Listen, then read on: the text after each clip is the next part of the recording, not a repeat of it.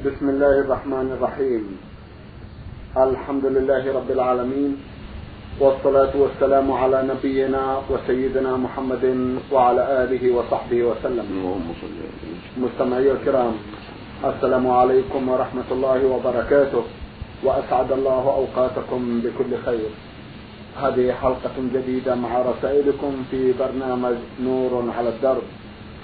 رسائلكم في هذه الحلقة نعرضها على سماحة الشيخ عبد العزيز بن عبد الله بن باز الرئيس العام لإدارات البحوث العلمية والإفتاء والدعوة والإرشاد. مع مطلع هذه الحلقة نرحب بسماحة الشيخ ونشكر له تفضله بإجابة السادة المستمعين فأهلا وسهلا بالشيخ عبد العزيز. حياكم الله وبارك فيكم. أولى رسائل هذه الحلقة رسالة وصلت إلى البرنامج من المستمع ميم حاء من جمهورية مصر العربية. أخونا له أكثر من سؤال فيقول في سؤاله الأول يوجد لدينا شخص يشرب البيرة حتى يسكر منها والبيرة داخلها الكحول وقد نهيناه عن الشرب فلم يطع ولم يرجع عنها وللعلم لديه زوجة وخمسة أولاد. هل زوجته تكون طالقة منه والحالة هذه؟ وهذا الشخص لا يصلي بل يصوم شهر رمضان ولا يصلي أثناء صيامه وبلغ من العمر خمسة وأربعين عاما. وعند مناقشته يقول لنا الأعمال بالنيات وليس بالعمل. أفيدونا أفادكم الله والسلام عليكم. بسم الله الرحمن الرحيم. الحمد لله وصلى الله وسلم على رسول الله وعلى آله وأصحابه ومن اهتدى بهداه. أما بعد فهذا الرجل المسؤول عنه ما دام لا يصلي فإن الواجب على زوجته الامتناع منه. والواجب على من ترفع إليه القضية التفريق بينهما. لأن لأن ترك الصلاة كفر أكبر في أصح قولي العلماء. وقد ثبت في صحيح مسلم عن جابر بن عبد الله رضي الله عنهما عن النبي صلى الله عليه وسلم أنه قال بين الرجل وبين الكفر والشرك ترك الصلاة. هذا نص في أن الرجل إذا ترك الصلاة انتقل من الإسلام إلى الكفر والشرك. وهذه هي الردة. والله يقول جل وعلا ولا تنكحوا المشركين حتى يؤمنوا. ويقول في الكافرات وفي الكفار لا هن حل لهم ولا هم يحلون لهن. وثبت أيضا عن رسول الله عليه الصلاة والسلام أنه قال العهد الذي بيننا وبينهم الصلاة فمن تركها فقد كفر. خرجه الإمام أحمد وأهل السنن في إسناد صحيح عن بريدة بن الحصيب رضي الله عنه. وقال عبد الله بن شقيق العقيلي التابعي الجليل رضي الله عنه ورحمه لم يكن أصحاب النبي صلى الله عليه وسلم رضي الله عنهم يرون شيئا من الأعمال تركه كفر إلا الصلاة. هذا يدل على أن الصلاة عندهم يعتبر تركها كفرا يعني كفرا أكبر. لأن هناك أعمالا تسمى كفرا ولكن ليس كفرا أكبر مثل ترك الانتساب إلى الأب. يعتبر كفرا لكنه كفر دون كفر. مثل الطعن في النسب والنياحة على الميت. قال فيها النبي صلى الله عليه وسلم قال فيهما النبي صلى الله عليه وسلم اثنتان في الناس هما كفر الطعن في النسب والنياحة على الميت. قال العلماء كفر دون كفر. وهناك أعمال أخرى يطلق عليها ذلك. لكن أمر الصلاة قال فيها النبي صلى الله عليه وسلم بين الرجل وبين الكفر والشرك. وكفر المعرف الشيء المعرف يراد به الكفر أكبر نسأل الله السلامة. ولأن الصلاة عمود الإسلام وأعظم الأركان بعد الشهادتين. فليست من جنس بقية الأعمال. ولأنه ثبت عنه صلى الله عليه وسلم أنه قال لما سأله الصحابة عن من يتولى عليهم من الأمراء فيعرفون منهم وينكرون. قال أد الذي عليك لهم وسأل الله الذي له. في قال أدوا أدوا لهم حقهم وسألوا الله الذي لكم. قالوا يا رسول فلا نقاتلهم. قال لا ما أقاموا فيكم الصلاة. في اللفظ الآخر قال إلا أن تروا كفرا بواحا عندكم من الله فيه برهان فهذا يبين أن ترك الصلاة يعتبر كفرا بواحا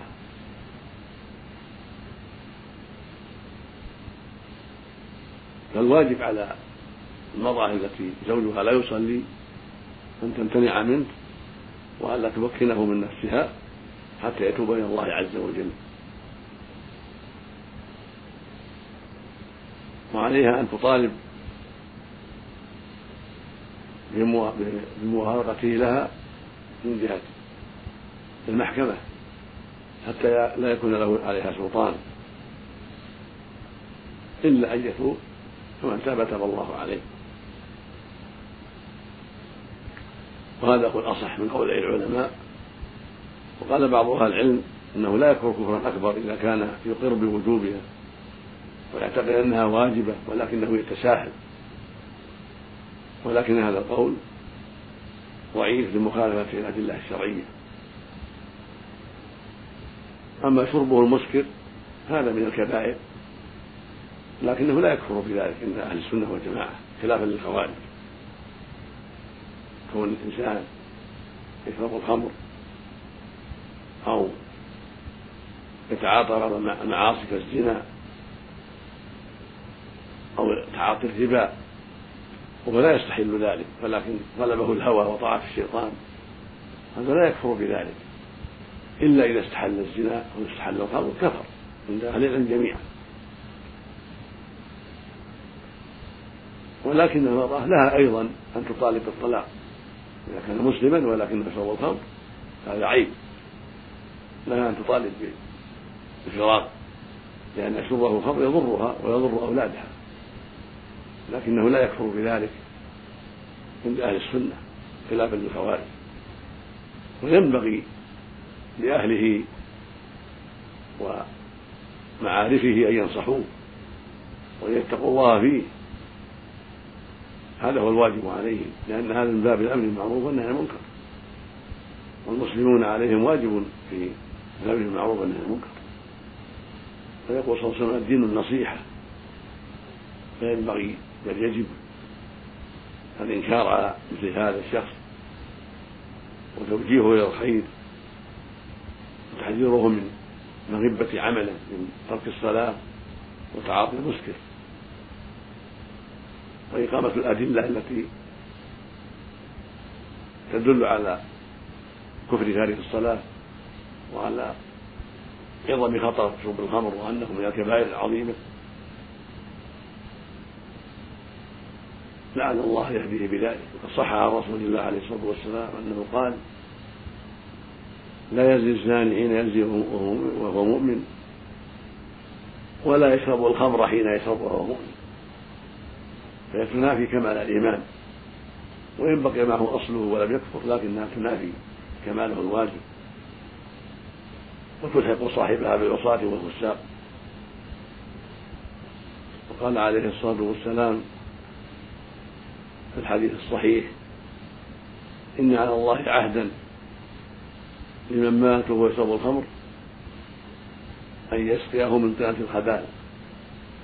إذا رسول الله وما طينة الخبال؟ قال عصارة أهل النار أو قال عرق أهل النار نسأل الله العافية ثبت عنه عليه الصلاة والسلام أنه لعن في الخمر عشرة.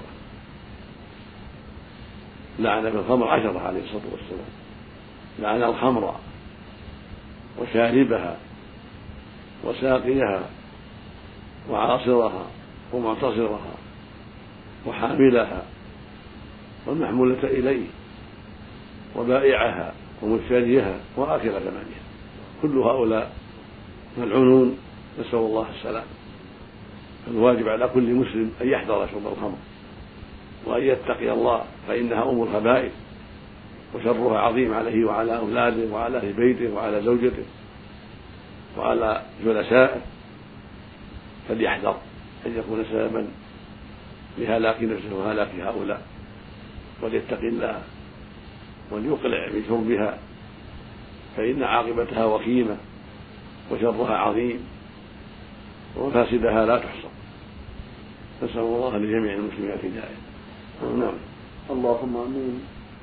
في نهاية رسالته سماحة الشيخ لعله لم يغب عنكم قول الرجل الأعمال بالنيات وليس بالعمل وهذا يردده كثير من الناس. وهذا من أقبح هذا من أقبح الخطأ. قول قول الأعمال بالنيات وليس بالعمل. هذا غلط. نعم الأعمال بالنيات كما قال النبي صلى الله عليه وسلم لكن لا بد من العمل أيضا. يقول صلى الله عليه وسلم إنما الأعمال بالنيات وإنما لكل امرئ ما نوى. لا بد من الأعمال ولكنها تبنى على النية. فالأعمال لا بد لها من نية ولكن ليس معناه أن النية تكفي وتضاع الأعمال تترك الأعمال. النية وحدها لا تكفي. لا بد من عمل. فالواجب على كل مسلم أن يعمل بطاعة الله وأن يدع معاصي الله. ولو نوى ولم يعمل بشرع الله صار كافرا نسأل الله العافية. فلا بد من العمل. الله جل وعلا يقول وقل اعملوا فيسر الله فسير الله لكم ورسوله والمؤمنون. فلما سئل النبي أي العمل أفضل؟ قال إيمان بالله وجهاد في سبيله فالإيمان عمل لا بد من إيمان. ومن لم يؤمن بالله واليوم الآخر فهو كافر.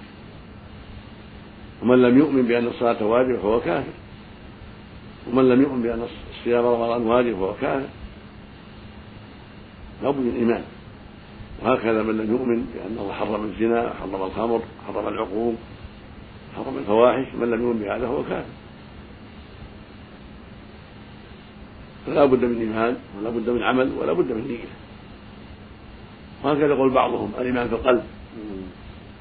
إذا قيل له صلي أو وفر لحيتك أو اترك ما حرم الله عليك الإيمان في القلب هذه كلمة حق ولد بها باطل. نعم أصل الإيمان في القلب ولكنه يكون في الجوارح أيضا في القول والعمل. فالإيمان عند أهل السنة قول وعمل ونية. يعني قول وعمل واعتقاد. فلا بد من القول لا بد من العمل ولا بد من العقيدة.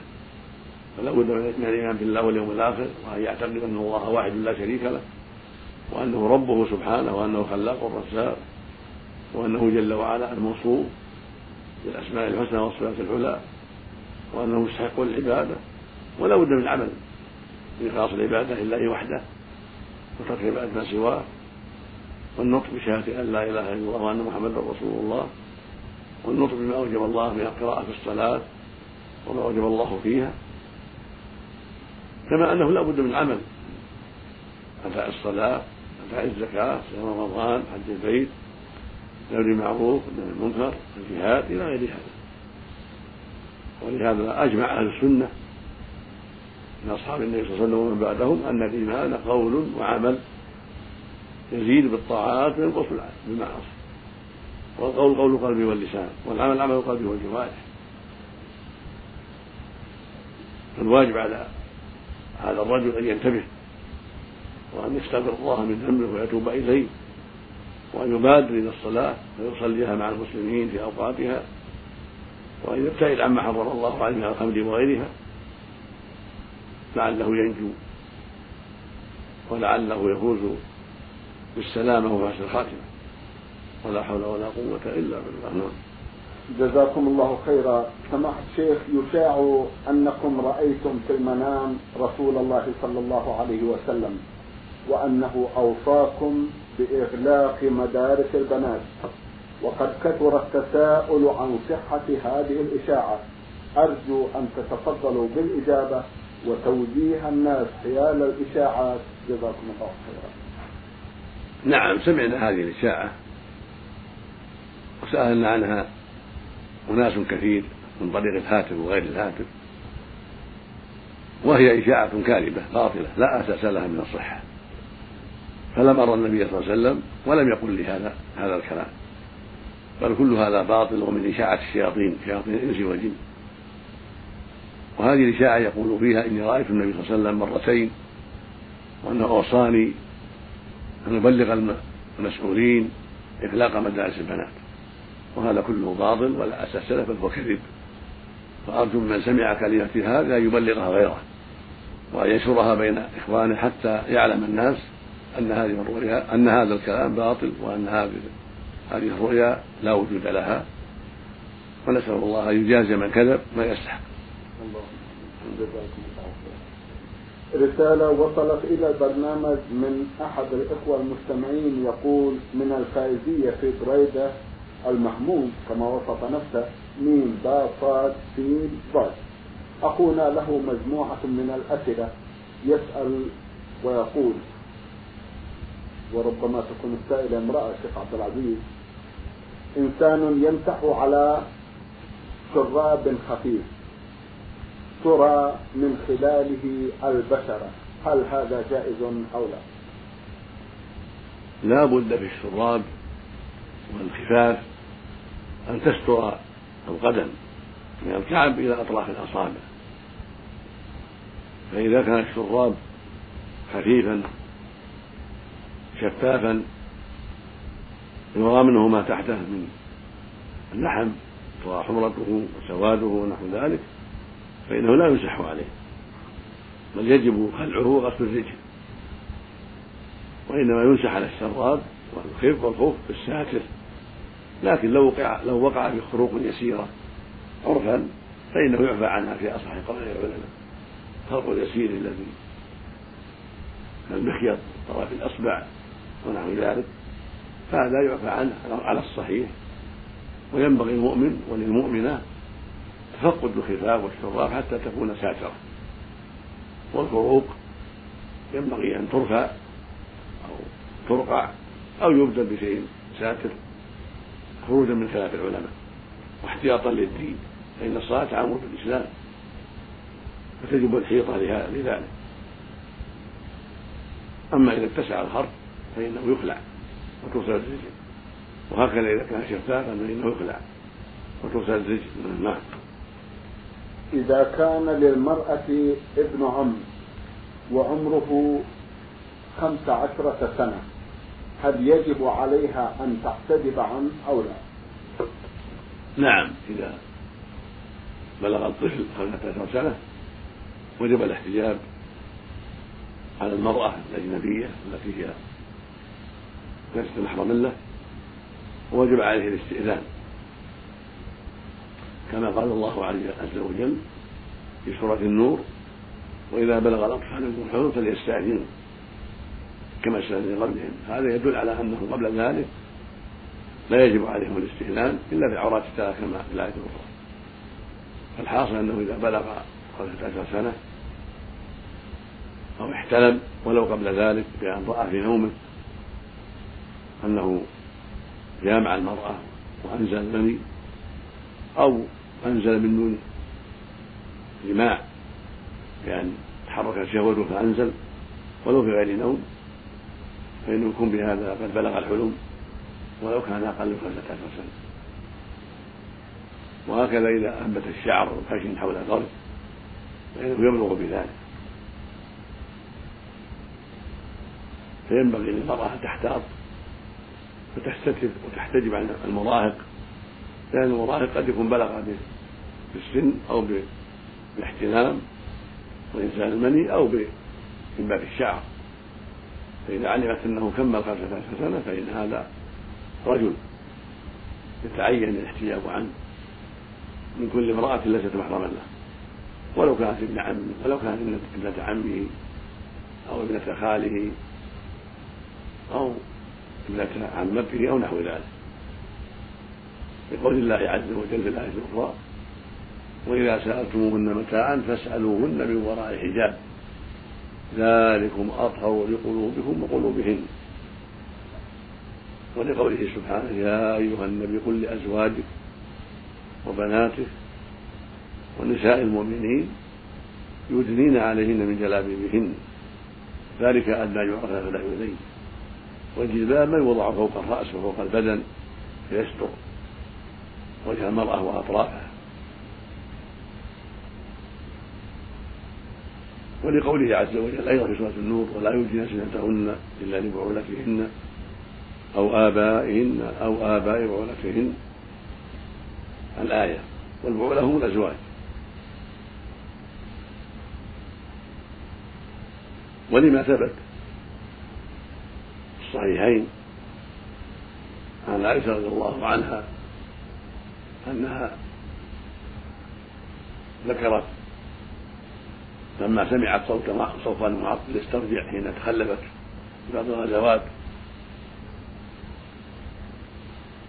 قالت إنه عرفني فاسترجع. وذلك أنه كان قد رآني قبل الحجاب. فلما سمعت صوته خمرت وجهي. دل ذلك على أنهم بعد الحجاب بعد نزول آية الحجاب أمروا بتحميل الوجوه. يعني أمر النساء بتحميل الوجوه.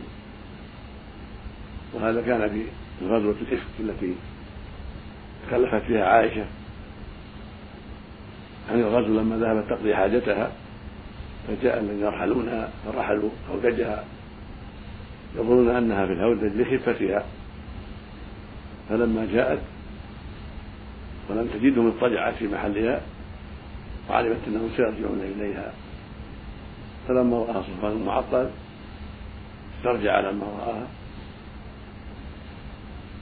واركبها فوق راحلته وجعل يقول به حتى اوصلها الجيش وقالت عند ذلك انها لما سمعت صوته خمرت وجهها وكان قد رآها قبل الحجاب فعرفها. فدل ذلك على انها فدل ذلك على أن النساء أمرنا بهذا الحجاب لتحميل الوجوب وأما حديث أسماء بنت أبي بكر الذي روته عائشة رضي الله عنها أختها فيما رواه أبو داود في سننه. من طريق عائشة رضي الله عنها أن أسماء بنت دخلت على النبي صلى الله عليه وسلم في بيت عائشة وعليها ثياب الرقاق فلما رآها النبي صلى الله عليه وسلم أعرض عنها. قال يا أسماء إن المرأة إذا بلغت المحيض لم يصلح أن يرى منها إلا هذا وهذا. وأشار إلى وجهه وكفيه.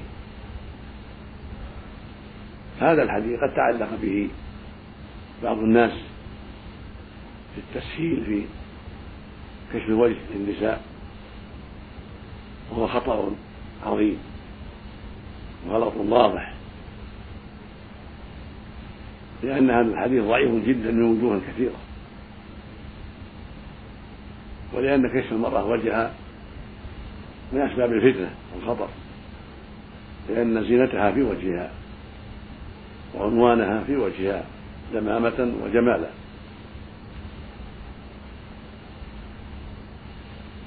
وهذا الحديث كما سبق ضعيف من وجوه منها أنه منقطع بين عائشة والراوي عنها.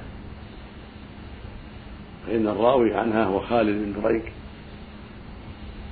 وهو لم يسمع منها كما قال أبو داود وغيره. والحديث المنقطع يعتبر ضعيفا لا حجة فيه. الوجه الثاني أنه من رواية قتادة خالد بالعنعنة وقتادة مدلس وروايته بالعنعنة ضعيفة. كسائر المدلسين المعروفين بالتدليس إذا لم يصرحوا بالسماع كابن إسحاق وغيره من المدلسين فإن روايتهم تعتبر ضعيفة حتى يصرحوا بالسماع ما عدا ما في الصحيحين فإن ما رواه الشيخان محتمل لأنهم فتشوا عن أحاديث المدلسين ورأوا منها ما صح عندهم وثبت عندهم فيه السماع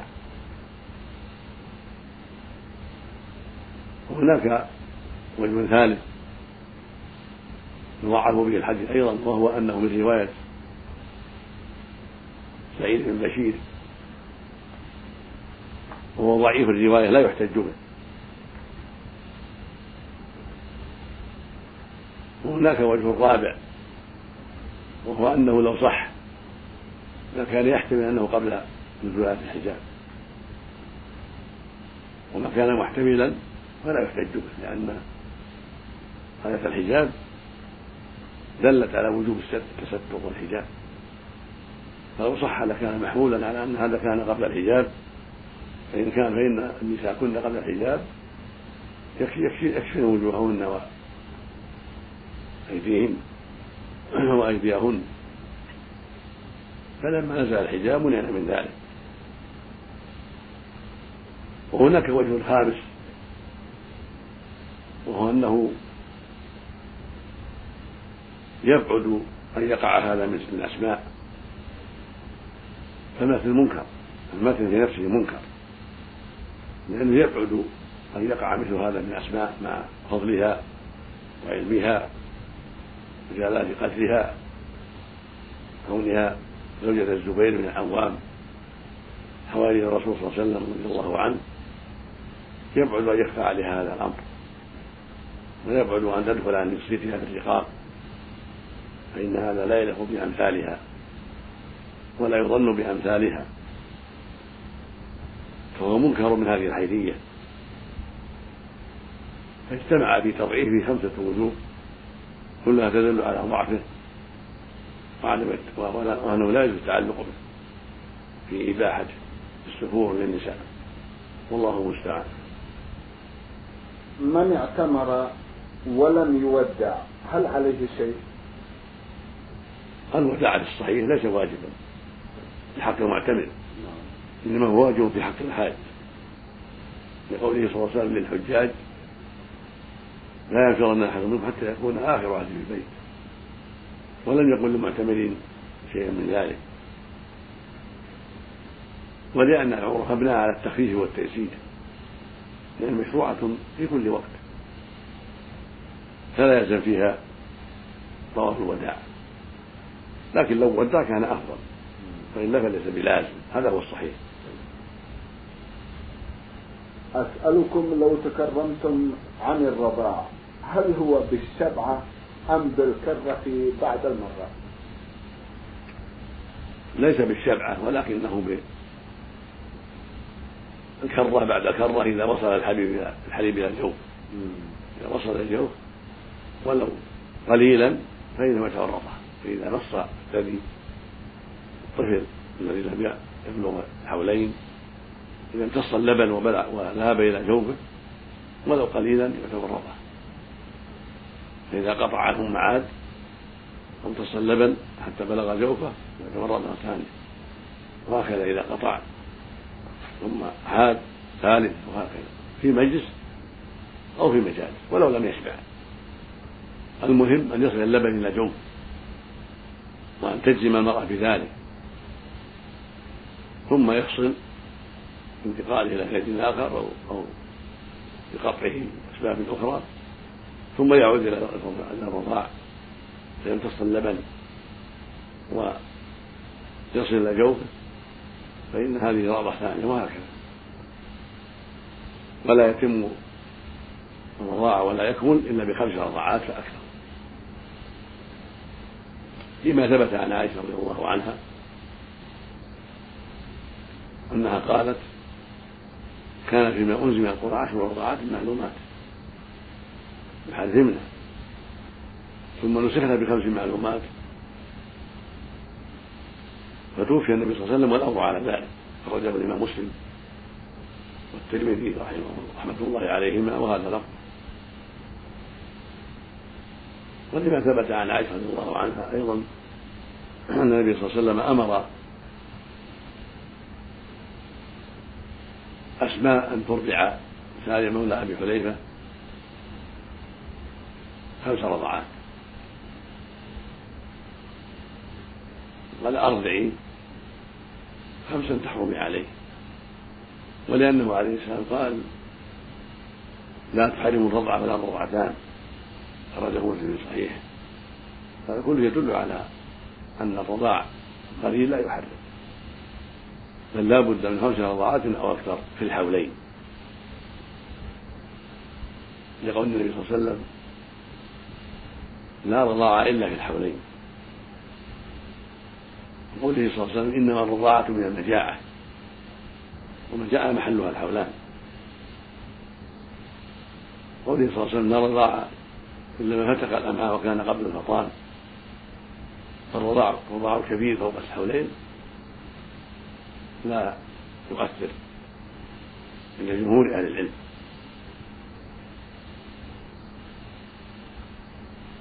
وأما إرضاع سهل بن سهيل لسالم ولا أبي حذيفة وهو كبير هذا خاص بها في أصح. قول العلماء. قلت فيما مضى أسماء والصواب سهلة بن سهيل مرة سهلة. بنت سهيل بن عمرو أن ترضع سالم سبع خمس رضاعات. فاسمها سهلة وليست اسمها نعم. جزاكم الله خيرا. الأخ بدوي سرحان يسأل ويقول إذا طهرت المرأة من دم النفاس ولم ولكن لم تكمل العدة فهل هي مأمورة بالصلاة؟ وهل يباح لها كل شيء؟ نعم إذا طهرت ولو قبل الأربعين. فإن عاد الدم في الأربعين فالصواب أنها تجلس أيضا ولا تصلي ولا تصوم لأنه عاد في وقت فإن تمت أتمت الأربعين ولم تطهر إن لم ينقطع الدم فإنها تعتبر طائرة في الحكم فعليها أن تغتسل بعد الأربعين وتصلي ولو جرى معها الدم لأنه دم فساد كالاستحاضة. تصلي وتصوم وتحل زوجها بعد الأربعين وتتوضأ لوقت كل صلاة إذا كان الدم معها إلا إذا وافق وقت الدورة الشهرية وقت الحيض فإنها تجلس في الحيض ولا تصلي ولا تصوم. أما النفاس فينتهي بالأربعين إلا أن ترى الظهر قبل ذلك. نعم. سماحة الشيخ في الختام أتوجه لكم بالشكر الجزيل بعد شكر الله سبحانه وتعالى على تفضلكم بإجابة السادة المستمعين وآمل أن يتجدد اللقاء وأنتم على خير.